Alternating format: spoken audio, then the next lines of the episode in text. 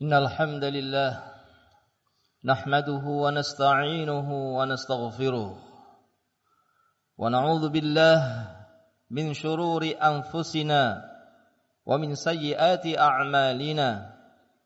من يهد الله فلا مضل له ومن يضلل فلا هادي له. وأشهد أن لا إله إلا الله وحده لا شريك له. وأشهد أن محمدا عبده ورسوله. يا أيها الذين آمنوا اتقوا الله حق تقاته ولا تموتن إلا وأنتم مسلمون. يا أيها الناس اتقوا ربكم الذي خلقكم من نفس واحدة وخلق منها زوجها وبث منهما رجالا كثيرا ونساء. واتقوا الله الذي تساءلون به والأرحام. إن الله كان عليكم رقيبا. يا أيها الذين آمنوا اتقوا الله وقولوا قولا سديدا. يصلح لكم أعمالكم ويغفر لكم ذنوبكم. ومن يطع الله ورسوله فقد فاز فوزا عظيما. أما بعد فإن أصدق الحديث كتاب الله وخير الهدى هدى محمد صلى الله عليه وسلم. وشر الأمور محدثاتها فإن كل محدثة بدعة وكل بدعة ضلالة وكل ضلالة في النار. أيها الناس اتقوا الله حق التقوى فإن من اتقى وقاه وراقبوه مراقبة من يعلم أن ربه la yakhfa alaihi syai' Ma'asyiral muslimin jamaah Jumat rahimani wa rahimakumullah. Segala puji hanyalah milik Allah Subhanahu wa taala Rabb yang menguasai dan mengatur alam semesta. Kita memujinya atas kesempurnaannya dan kita bersyukur atas nikmat-nikmatnya. Salawat dan salam semoga senantiasa Allah curahkan kepada hamba yang mulia panutan kita Nabi kita Muhammad beserta keluarganya dan para sahabatnya serta kepada seluruh kaum muslimin yang senantiasa mengikuti petunjuknya. Hadirin jamaah Jumat rahimani wa rahimakumullah. Bertakwalah kepada Allah. Bertakwalah kepada Allah Subhanahu wa taala dengan sebenar-benar takwa dan hendaklah marilah kita merasa untuk senantiasa diawasi oleh Allah Subhanahu wa taala. Diawasi oleh sesembahan yang tidak terluput sedikit pun dari apa yang dilakukan oleh hamba-hambanya. Merasa diawasi oleh Allah Subhanahu wa taala yang mengetahui seluruh gerak-gerik hamba-hambanya. Dengan bertakwa dan dengan merasa diawasi oleh Allah Subhanahu wa taala maka Allah pun akan menjaga kita. Allah pun akan memuliakan kita. Allah Subhanahu wa taala menyebutkan di dalam firman-Nya inna akramakum indallahi atqakum. Sesungguhnya yang paling mulia di antara kalian dari hamba-hamba Allah Subhanahu wa taala adalah yang paling bertakwa Hadirin jamaah Jumat rahimani wa rahimakumullah. Ketahuilah bahwasanya predikat hamba Allah adalah suatu kedudukan yang mulia. Menjadi hamba Allah yang sesungguhnya adalah suatu predikat dan kedudukan yang mulia, kedudukan yang telah diraih oleh para nabi, oleh karena itu penyebutan hamba kepada Nabi kita Muhammad sallallahu alaihi wasallam adalah penyebutan yang disyariatkan. Bahkan Nabi kita Muhammad sallallahu alaihi wasallam menyebutkan di dalam hadisnya, "La tutruni kama atratin Nasara ibn Maryam." Janganlah kalian berlebih-lebihan kepadaku sebagaimana telah berlebih-lebihan orang-orang Nasara kepada Isa ibn Maryam. Wa inna ma ana abdun, tidaklah aku kecuali seorang hamba. Fakulu Abdullah wa Rasuluh maka katakanlah tentang aku bahwa aku adalah hamba hamba dan utusan Allah Subhanahu wa taala maka kedudukan hamba adalah kedudukan yang mulia Dan Allah Subhanahu wa taala ketika menyebut ketika menceritakan menjelaskan tentang ketinggian kedudukan Nabi kita Muhammad sallallahu alaihi wasallam beliau menyebut Nabi kita dengan penyebutan hamba. Ketika Allah menurunkan kitabnya yang mulia kepada Nabi kita Muhammad sallallahu alaihi wasallam Allah menyebutkan dengan penyebutan hamba kepada Nabi kita Muhammad sallallahu alaihi wasallam. Sebagaimana disebutkan dalam firman-Nya alhamdulillahilladzi anzala ala 'abdihil kitab wa lam yaj'al lahu 'iwaja. Maha suci Allah Subhanahu wa taala yang telah menurunkan kitabnya kepada hamba yang dimaksud dengan hamba di sini adalah Nabi kita Muhammad sallallahu alaihi wasallam Allah sedang menyebut tentang kemuliaan beliau dan Allah menyebutnya dengan kalimat hamba. Begitu pula dalam ayat yang lainnya ketika Allah Subhanahu wa taala sedang menyanjung dan menyebutkan kemuliaan Nabi menyebutkan kemuliaan Nabi kita Muhammad sallallahu alaihi wasallam dalam peristiwa Isra Mi'raj Allah menyebutkan subhanalladzi asra bi 'abdihi lailan minal masjidil haram ilal masjidil aqsa. Maha suci Allah subhanahu wa ta'ala yang telah menjalankan hambanya di malam hari dari masjidil haram ke masjidil aqsa. Maka ma'asyiral muslimin jamaah jemaah rahimani wa rahimakumullah. Marilah kita berusaha untuk memiliki kedudukan yang mulia ini. Menjadi hamba-hamba Allah yang sesungguhnya. Berusaha untuk mewujudkan penghambaan kepada Allah Subhanahu wa taala. Yaitu dengan memiliki sifat-sifat hamba-hamba Allah yang sesungguhnya. Di antara sifat-sifat hamba Allah tersebut disebutkan di dalam surat Al-Furqan. Di ayat-ayat terakhir dalam surat Al-Furqan Allah menyebutkan tentang hamba-hamba Allah yang sesungguhnya bagaimana sifat-sifatnya? Allah menyebutkan di dalam ayat-ayat yang terakhir dalam surat Al-Furqan tentang hamba-hamba dan sifat-sifat dari hamba-hamba Allah yang sesungguhnya yaitu dalam firman-Nya wa ibadur rahmanil ladzina yamshuna 'alal ardi hauna. Wa ibadur rahman dan hamba-hamba ar-rahman hamba-hamba Allah yang maha kasih maha penyayang siapakah hamba-hamba Allah yang sesungguhnya bagaimana sifatnya Disebutkan di sini alladzina yamshuna 'alal ardi hauna. Yaitu orang-orang yang berjalan di muka bumi ini dengan ketaatan kepada Allah, berjalan di muka bumi ini dengan tenang, tidak dengan kesombongan. Sebagaimana disebutkan di dalam tafsirnya tentang ayat ini oleh sahabat Abdullah bin Abbas radhiyallahu taala anhuma, beliau menyebutkan bitta'ah wal afaf wat tawadhu Hamba-hamba Allah yang sesungguhnya adalah orang-orang yang di muka bumi ini berjalan dengan ketaatan, berjalan dengan menjaga kehormatannya dan berjalan dengan tawadhu, merendahkan hati dan tidak merendahkan orang lain. Bahkan disebutkan dalam ayat berikutnya, wa idza khatabahumul jahiluna qalu salama.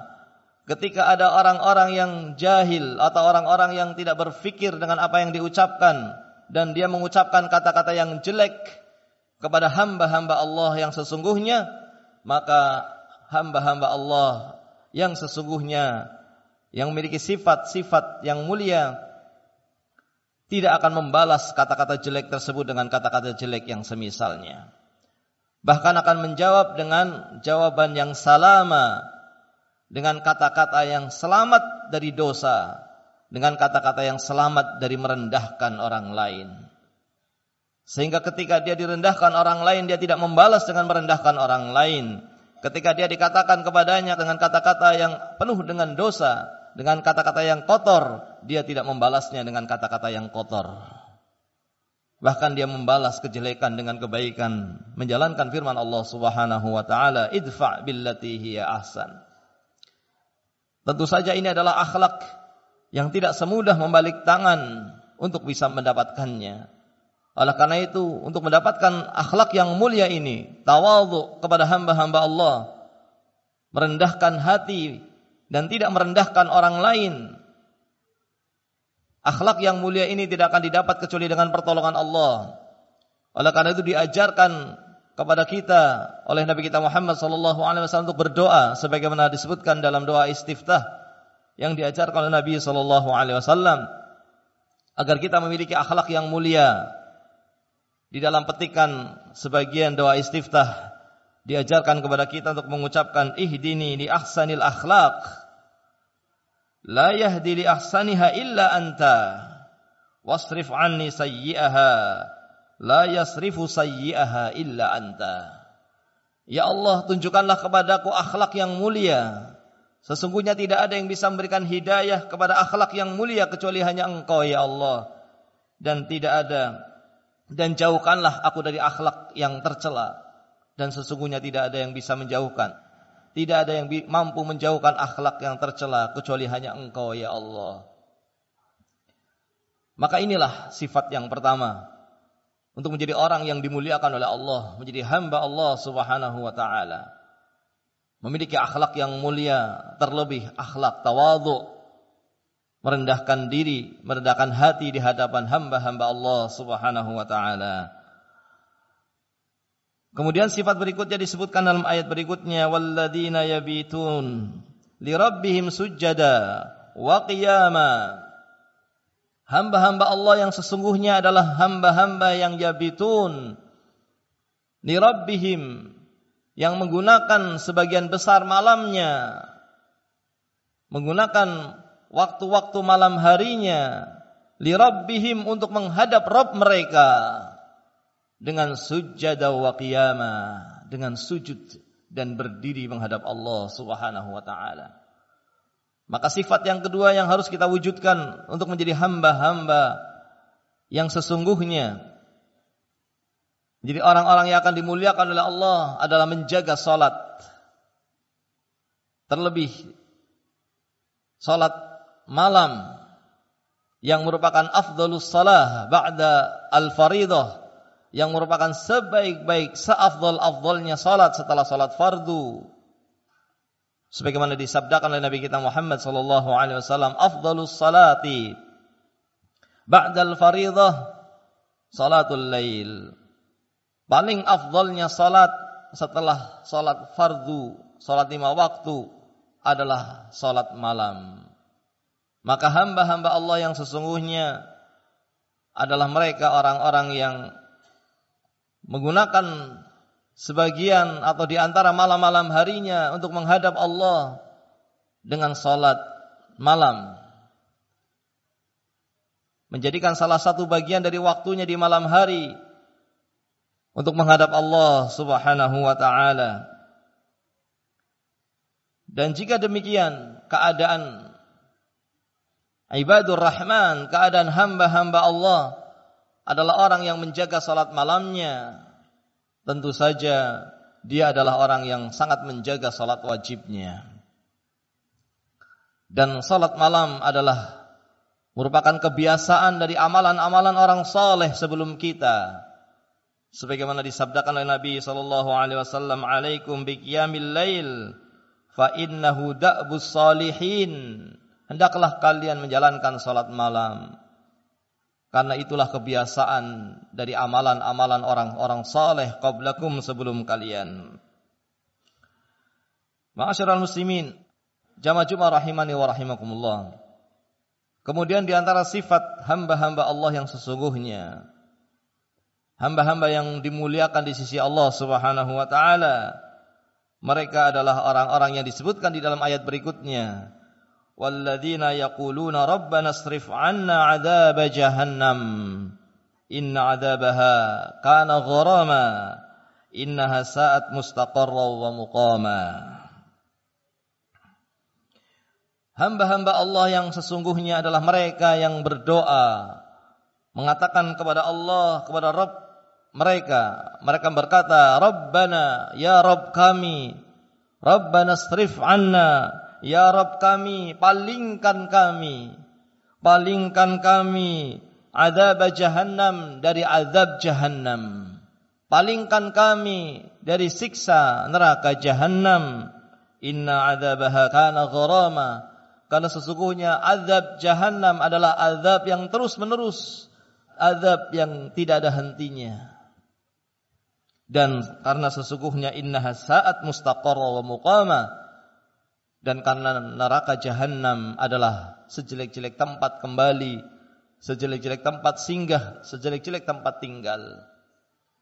Demikianlah sifat hamba-hamba Allah yang Rahman adalah orang yang di samping telah beribadah kepada Allah dengan ibadah yang luar biasa, memiliki akhlak yang mulia, namun masih terus takut dari azab Allah. Tidak tertipu dengan amalannya sehingga merasa dirinya sudah menjadi ahlu sorga, merasa dirinya sudah sempurna. Bahkan dengan amalan yang sangat banyak, mereka terus takut kepada azab Allah mereka khawatir amalan-amalan itu tidak diterima oleh Allah Subhanahu wa taala. Dan inilah sifat orang-orang yang beriman yang disebutkan dalam ayat yang lainnya, walladzina yu'tuna ma atau wa qulubuhum wajilah. Orang-orang yang beriman adalah orang-orang yang telah mengerahkan kemampuannya, tenaganya dan apa yang dia miliki untuk beribadah kepada Allah, untuk mendekatkan diri kepada Allah, namun dengan tetap memiliki rasa takut ibadah tersebut tidak diterima oleh Allah Subhanahu wa taala. Dan inilah sifatnya orang yang beriman, berbeda dengan orang-orang munafik. Orang-orang munafik dengan banyaknya kemaksiatan yang dia lakukan, dia merasa aman dari adab Allah. Adapun orang-orang yang beriman dengan banyaknya ibadah, dia masih khawatir akan terkena adab Allah.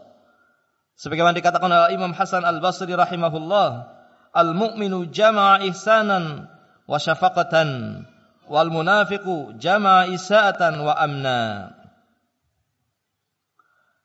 Orang yang beriman mengumpulkan antara berbuat baik dan takut dari azab Allah. Sementara orang-orang munafik terkumpul padanya. Banyak kemaksiatan namun merasa tidak akan terkena azab Allah. Kemudian Al-Imam Hasan Al-Basri membaca ayat yang kita sebutkan tadi atau dalam ayat yang lainnya innal ladina hum min khasyati rabbihim musyfiqun Ma'asyiral muslimin jamaah Jumat rahimani wa rahimakumullah. Maka marilah kita berusaha untuk memiliki sifat-sifat hamba-hamba Allah ini. Untuk terus dengan ibadah yang telah kita lakukan senantiasa terus merasa takut dari azab Allah Subhanahu wa taala memohon kepada Allah Rabbana srif 'anna 'adzab jahannam Ya Allah jauhkanlah kami, palingkanlah kami dari azab jahannam. Meminta dipalingkan dari azab jahannam berarti meminta pula dipalingkan dari hal-hal yang akan menyeret kepadanya. Hal-hal yang akan menyeret, hal-hal yang akan membawa kepada kemaksiatan, kita memohon kepada Allah untuk dijauhkan dengan sejauh-jauhnya. Karena seseorang akan masuk ke dalam neraka dengan sebab amalan kejelekannya dan amalan kejelekan di Seseorang akan terjatuh kepadanya karena dia mendekat mendekat pada sebab-sebab kejelekan sebagaimana Allah menjadikan amalan soleh sebagai sebab untuk masuk ke dalam surga dan untuk bisa beramal soleh kita mendekat kepada hal-hal yang akan membawa kita kepada amal soleh. Nabi kita Muhammad SAW mengajarkan doa kepada Ummul Mukminin Aisyah radhiyallahu taala anha untuk mengatakan Allahumma inni as'alukal jannah wa ma qarraba ilaiha min qaulin aw amal. Wa na'udzubika minan nar wa ma qarraba ilaiha min qaulin aw amal. Ya Allah aku memohon kepadamu surga dan apa saja yang akan mendekatkan aku kepada amalan-amalan yang baik dan ucapan-ucapan yang baik dan aku berlindung kepadamu ya Allah dari api neraka dan dari apa saja yang mendekatkan kami kepada amalan-amalan yang jelek, ucapan-ucapan yang jelek, kemaksiatan-kemaksiatan yang menyeret kepada api neraka. Mudah-mudahan Allah Subhanahu wa taala memberikan pertolongannya kepada kita untuk memiliki apa yang disebutkan sebagian tentang sifat-sifat hamba-hamba Allah Subhanahu wa taala yang sesungguhnya. Barakallahu li wa lakum fil Qur'anil azim wa nafa'ani wa iyyakum bima fihi minal ayati wa dzikril hakim. Aqulu ma tasma'un wa astaghfirullah li wa lakum wa li sa'iril muslimin min kulli dzamb fastaghfiruhu innahu huwal ghafurur rahim. Alhamdulillahirabbil alamin. Wal 'aqibatu lil muttaqin.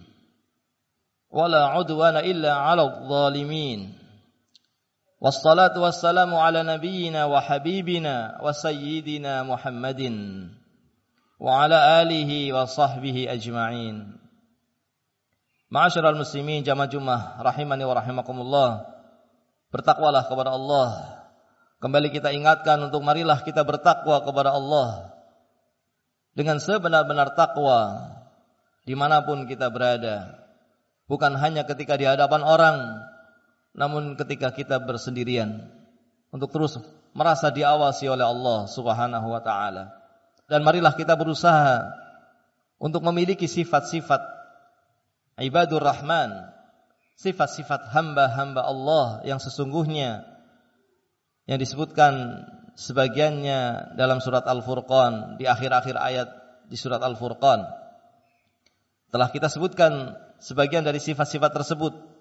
Dan masih ada sifat-sifat yang lainnya. Di antaranya disebutkan dalam ayat berikutnya dari sifat-sifat hamba Allah. Yang sesungguhnya adalah walladzina idza anfaqu lam yusrifu wa lam yaqturu wa kana baina dzalika qawama. Hamba-hamba Allah yang sesungguhnya adalah orang-orang yang jika berinfak tidak membuang-buang harta. Jika dia mengeluarkan hartanya, dia tidak gunakan untuk hal-hal yang bermaksiat kepada Allah Subhanahu wa taala.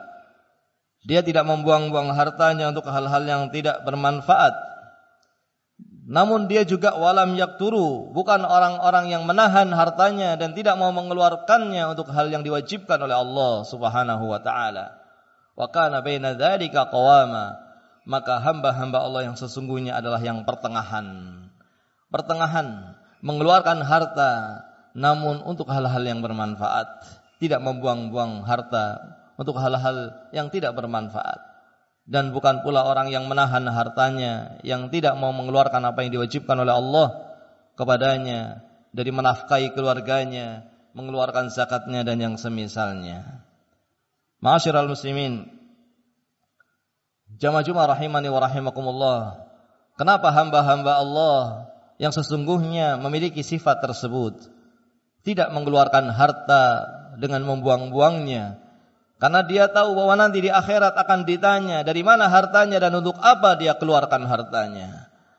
Tidak akan bergeser kaki seorang hamba sampai akan ditanya dengan pertanyaan-pertanyaan di antaranya akan ditanya min aina wa an malihi min aina iktasabahu. Akan ditanya tentang hartanya dari mana dia mendapatkannya. Wa fima anfaqahu dan untuk apa dia mengeluarkan hartanya. Dan di sana di ayat-ayat berikutnya masih disebutkan sifat-sifat yang lainnya dari hamba-hamba Allah yang sesungguhnya. Mudah-mudahan Allah Subhanahu wa taala menjadikan kita memiliki apa yang telah kita ketahui sedikit dari apa yang kita sampaikan tentang hamba-hamba Allah untuk menjadi manusia-manusia yang mewujudkan perhambaannya kepada Allah yang kemudian akan dimuliakan oleh Allah Subhanahu wa taala. Akhirnya marilah kita memperbanyak salawat dan salam kepada Nabi kita Muhammad sallallahu alaihi wasallam sebagaimana diperintahkan oleh Allah di dalam firman-Nya innallaha wa malaikatahu yusalluna 'alan nabi يا أيها الذين آمنوا صلوا عليه وسلموا تسليما. اللهم صل وسلم وبارك على نبينا محمد وعلى آله وصحبه أجمعين. وارض اللهم عن خلفائه الراشدين أبي بكر وعمر وعثمان وعلي وعن الصحابة والتابعين ومن تبعهم بإحسان إلى يوم الدين. وعنا برحمتك يا أرحم الراحمين. اللهم أعز الإسلام والمسلمين. اللهم أعز الإسلام والمسلمين. اللهم أعز الإسلام والمسلمين وأذل الشرك والمشركين ودمر أعداء الدين وانصر عبادك الموحدين. اللهم أصلح أحوال المسلمين في كل مكان. اللهم أصلح أحوال المسلمين في كل مكان. اللهم أصلح أحوال المسلمين في كل مكان. ربنا ظلمنا أنفسنا وإن لم تغفر لنا وترحمنا لنكونن من الخاسرين. ربنا آتنا في الدنيا حسنة وفي الآخرة حسنة وقنا عذاب النار. والحمد لله رب العالمين وأقم الصلاة.